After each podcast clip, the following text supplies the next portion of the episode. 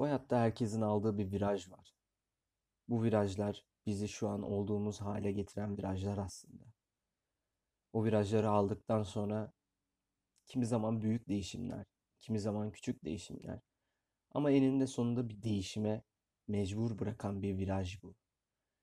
Çoğu zaman bu virajları önceden almıyoruz. Çünkü bilmiyoruz veya virajı nasıl alacağımızı bilmiyoruz. Ama sonuç olarak insanların hayatında belirli virajlar var. Bu virajları tetikleyen şeyler bazen kitaplar oluyor. Bazen filmler, müzikler, kimi zaman anılar, gerçekler, yaşantılar. Bunların hepsi o virajlara giden bir yolculuk. Kaynak kod ise üzerinde insanların çalışmalar yapabileceğini ifade etmek için kullanılan bilgisayar bilimindeki bir terminoloji.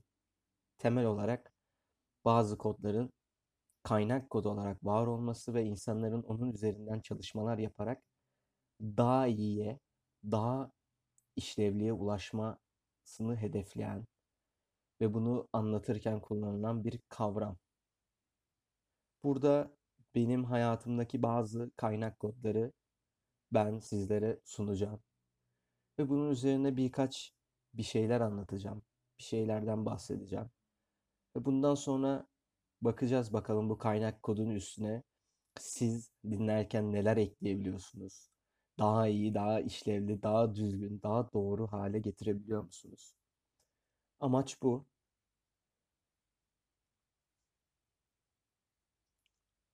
İlkokul, ortaokul veya herhangi bir okul bir insanın, bir çocuğun, bir gencin hayatında bazı kilit noktalara ön ayak olabiliyor. Okulda öğretilen şeyler aslında sana bir avantaj sağlamakta yükümlü.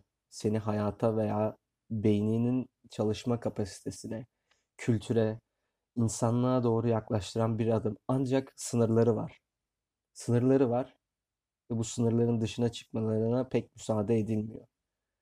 E, genelde bu sınırlar da propaganda olarak bildiğimiz o dönemki iktidarın hangi ideolojiye, hangi fikirlere yakınlığı varsa ona paralel bir şekilde gelişiyor ve onun dışına çıkmana müsaade etmiyor. Aslında eğitim derken kastedilen insanları bir noktada sınırlayabilmek e, ve sınırlarının dışına çıkmasını engellemek. O yüzden okulla bağınız yoksa veya okuldaki öğretilenler size yetersiz geliyorsa muhtemelen doğru yoldasınız ve herkes size karşı olacak. Ee, size kızacaklar. Sizi döndürmeye çalışacaklar. Hata yaptığınızı, doğru yolda olmadığınızı, doğru düşünmediğini, geleceğini çöpe attığını söyleyecekler ama bunların hiçbirisi doğru değil. Çünkü onlar da kendileri bilmiyor ki onlar sınırlar içerisinde yaşamaktan mutlular. Ve o sınırların olduğuna dair fikirleri bile yok ve sen sana sunulan şeylerin aslında seni sınırladığını fark ettiğin, keşfettiğin an her şey çok değişiyor. Bu sefer bu sefer gerçeklere, anlatılmayanlara, farklı bakış açılarına ve farklı insanlara kapı açmaya başlıyorsun. Sabit, monoton ve sıradan hayatına aslında bir renk katıyorsun. Harflerle, alfabelerle, kelimelerle çok ilgili bir çocuktum. E bunun olduğu zaten çok aşikardı aslında. Çünkü çok hızlı bir şekilde okuma yazmayı söktüm. Yazmayı söktükten sonra da gerçekten yazma eylemine başladım. Ee, özendiğim, öğrendiğim, taklit ettiğim aslında ilk başta zaten her çocuğun yaptığı gibi bir şeyleri taklit ederek var olmaya çalıştım. Ve benim bu kaynak kodlarım içerisinde bugün var olduğum insanın belki de ilk başlarında belki de şu an aklıma gelen ilk anılardan birisi bu anlatacağım. Annem ve babam ikisi de yoğun çalışan insanlardı. O yüzden uzun süre onlarla beraber olmadım. Genellikle onlar işte oluyordu ve ben kendim oluyordum. Okula gidiyordum ve okuldan döndükten sonra da kendimle baş başa kalacak bir süre vaktim oluyordu. Bunun bazı sıkıntıları olsa da güzel tarafları da vardı. Ee, annemin, babamın hayatla, işle, e, verdikleri bu mücadeleyle birlikte bana verdikleri zamanın kısıtlı olması aslında kendilerinin sahip olduğu fikirleri de empoze etmelerini engelledi. Bunun nasıl bir avantajı var? Şöyle bir avantajı var. Beni aslında bir yola sokmadılar ve ben yolu kendim buldum bir şekilde. Tabii ki de bazı şeyleri öğretiyorlar. Burada kastettiğim şey biraz daha soyut, biraz daha felsefik, biraz daha beynin işleyişiyle e, olan yaklaşımda açıkçası.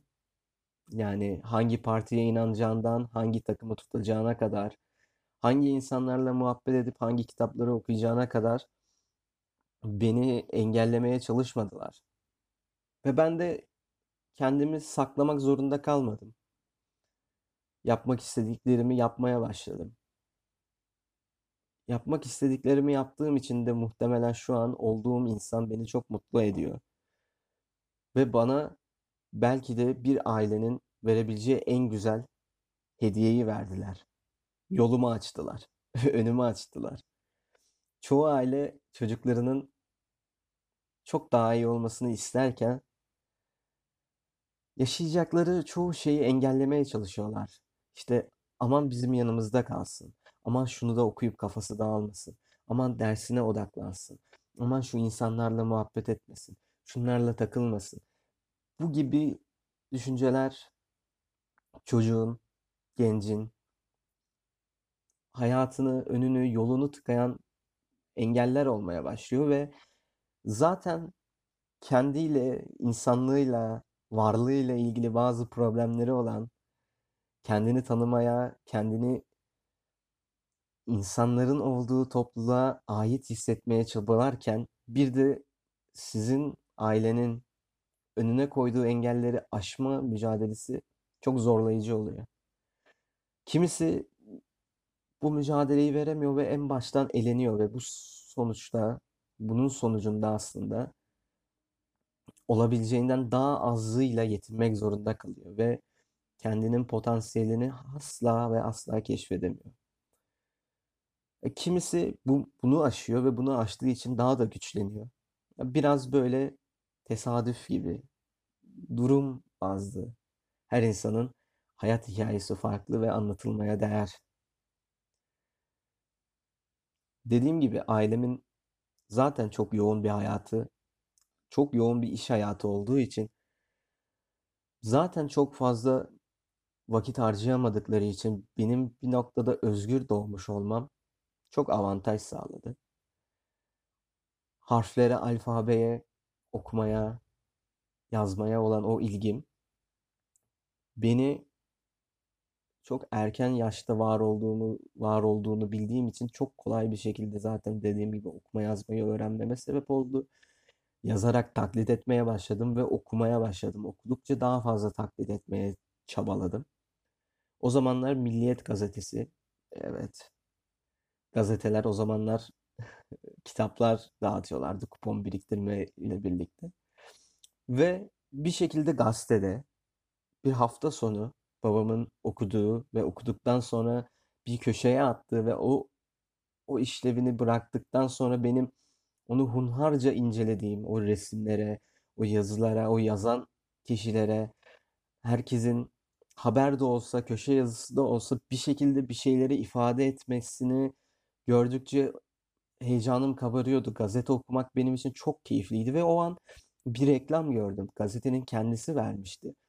Milliyet Gazetesi belli belli sayıda bir kupon karşılığında Junior Larus diye bir kitap veriyordu ve kitabın dış kapağını nasıl anlatayım size? Yani öyle bir kapak vardı ki yani bu zamana kadar böyle bir resim, böyle bir çizim görmemiştim. Yani garip bir hayvan vardı. Garip şeyler vardı. Aşırı heyecanlandım. Buna sahip olmalıydım. Bunu görmem lazımdı. Yani bunu daha net, daha büyük inceleyebilmem lazımdı. Ve bunu görür görmez annemle babama büyük bir baskı kurdum. Dedim ki benim buna ihtiyacım var. Şimdi normalde bir çocuk bir şeyleri zaten sürekli ister. Ve genelde her istediği bir yapılmaz. Ama burada annem ve babam muhtemelen benim hızlı bir şekilde okuma yazmayı öğrenmiş olmam, okuduğumdan dolayı veya yazdığımdan dolayı e, ilgim olduğu için muhtemelen bunu olumlu karşıladılar. O Junior Larus'u istediğime ve gerçekten okuyabileceğime inandılar, ikna oldular ve bu sayede dediler ki evet ya bu çocuk bunu istiyorsa bir sebebi var. Kesinlikle almalıyız ve bu sayede her gün Milliyet Gazetesi satın alınmaya başlandı. O kuponlar özenle kesildi ve biriktirildi ve gerekli sayı ulaştığında o Junior Larus alındı.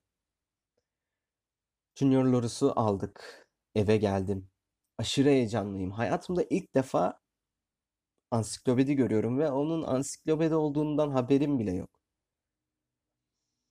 Junior Larus'u açıyorum. Sayfaları bu zamana kadar görmediğim kadar kaliteli. Kuşa kağıt diyorlar. Ben o zaman tabii bilmiyorum.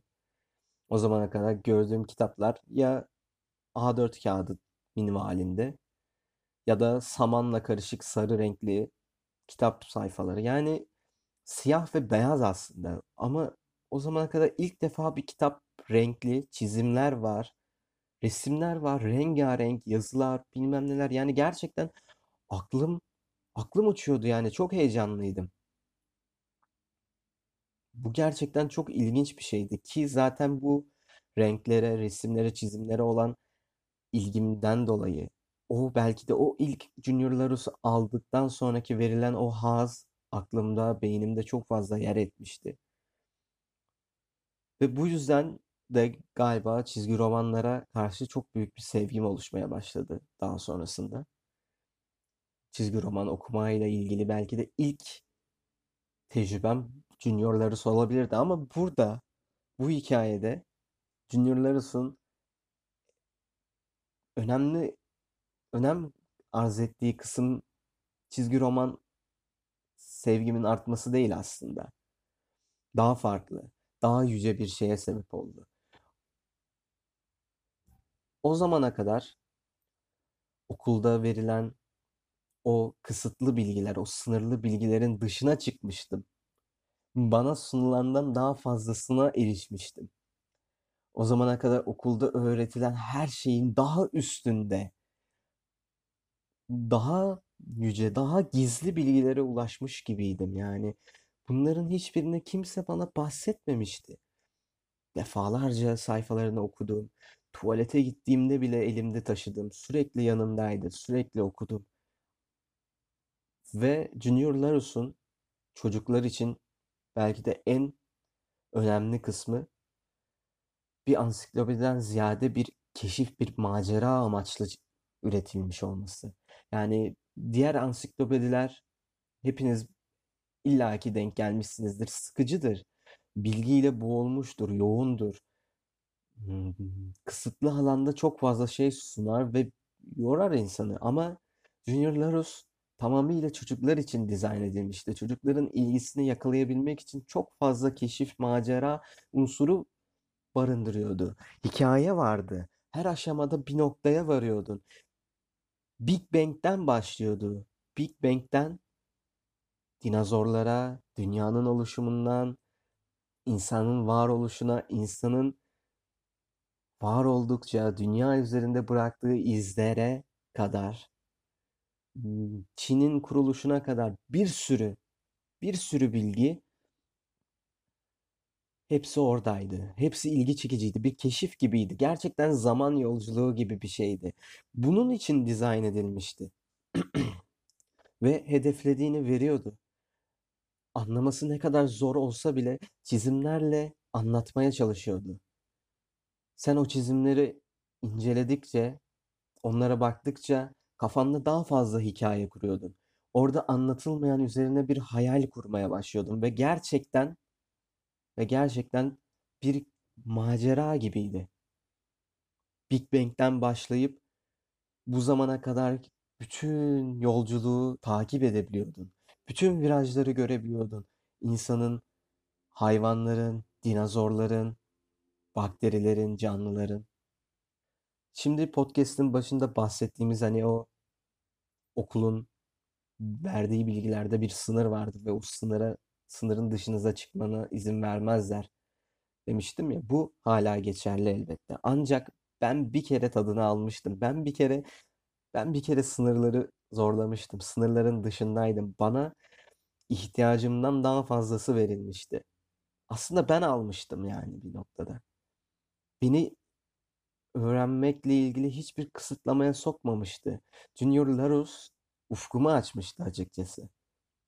Ve Junior Larus'u inceledikçe, vakit harcadıkça, sürekli onunla vakit geçirdikçe okulda verilen bilgilerle ilgili sürekli neden, sonuç, mantık soruları sormaya başladığımı fark ettim. Çünkü Junior Larus çocuklara yönelik olsa bile işin içinde bir bilimsellik bulunan bir kitaptı. Bir ansiklopediydi ve neden sonuç ilişkilerine, mantıksal yaklaşımlara çok kıymet veriyordu ve bu kıymeti sayesinde her hikaye birbiriyle bağdaştığı noktada bile hep bir mantık vardı yani. Sen onu takip ettikçe bunun neden bu şekilde olduğunu çok net algılayabiliyordun ve şu an şu an onun ne kadar kıymetli olduğunu ben biliyorum ve bu yüzden onun hakkında podcast yapıyorum ama dediğim gibi bu mantık arayışı, bu neden sonuç arayışı beni okulda diğer insanların önüne geç, geçirdi. Hocaların dahi. Çünkü onlar ezberletilmiş müfredatları anlatmakla yükümlü insanlardı. Kimin e, hiçbiri gerçekten sınırların dışına çıkmakla ilgili bir fikri yoktu. Bazıları gerçekten Ölü Ozanlar Derneği olmak isteyen hocalardı ama olamıyorlardı. Çünkü mümkün değildi yani ve ilk bir çocuk Junior okumuş bir çocuğun sınırların dışına çıkmak istemesini gördüklerinde anlatılanlarla anlatılanlara direkt ikna olmayıp neden böyle oldu, niçin böyle oldu, kim yaptı, ne zaman yaptı gibi bazı temel soruları sorduğunu gördüğünde işte o zaman bir fark oluştuğunu hissediyordu yani. İşte o zaman o sınırların dışına çıkmanın aslında o kadar da kötü bir şey olmadığını anlayabiliyordu. Burada Junior Larus'un tek bana kattığı şey sınırların dışına çıkmak, bana verilenle yetinmekten ziyade gerçeği bulmak için bir yolculuğa çıkmak değil. Beni keşfetmeye yöneltti. Beni sıra dışılığa yöneltti ve sıra dışı insanlara daha fazla kıymet vermem gerektiğini kazandırdı. Bugün olduğum insanın belki de temellerinde, temel taşlarında Junior Larus'ın çok büyük bir yeri vardır. Çünkü bir sene, iki sene durmaksızın sürekli, sürekli onu inceledim. Her gün en az bir saat, iki saat Junior Larus'u açmadan uyumuyordum. Ve ve bu çok güzel bir şeydi aslında. Çünkü Junior Loros güzel bir virajdı. Ve o virajı çok iyi aldım.